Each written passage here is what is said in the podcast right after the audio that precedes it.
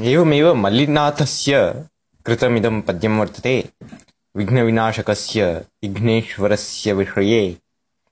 अन्तरायतिमिरोपशान्तये शान्तपावनमचिन्त्य वैभवम्। तन्नरम् अपुषुकुण्डरम् मुखे मन्महे किमपि तुन्दिलम् महः।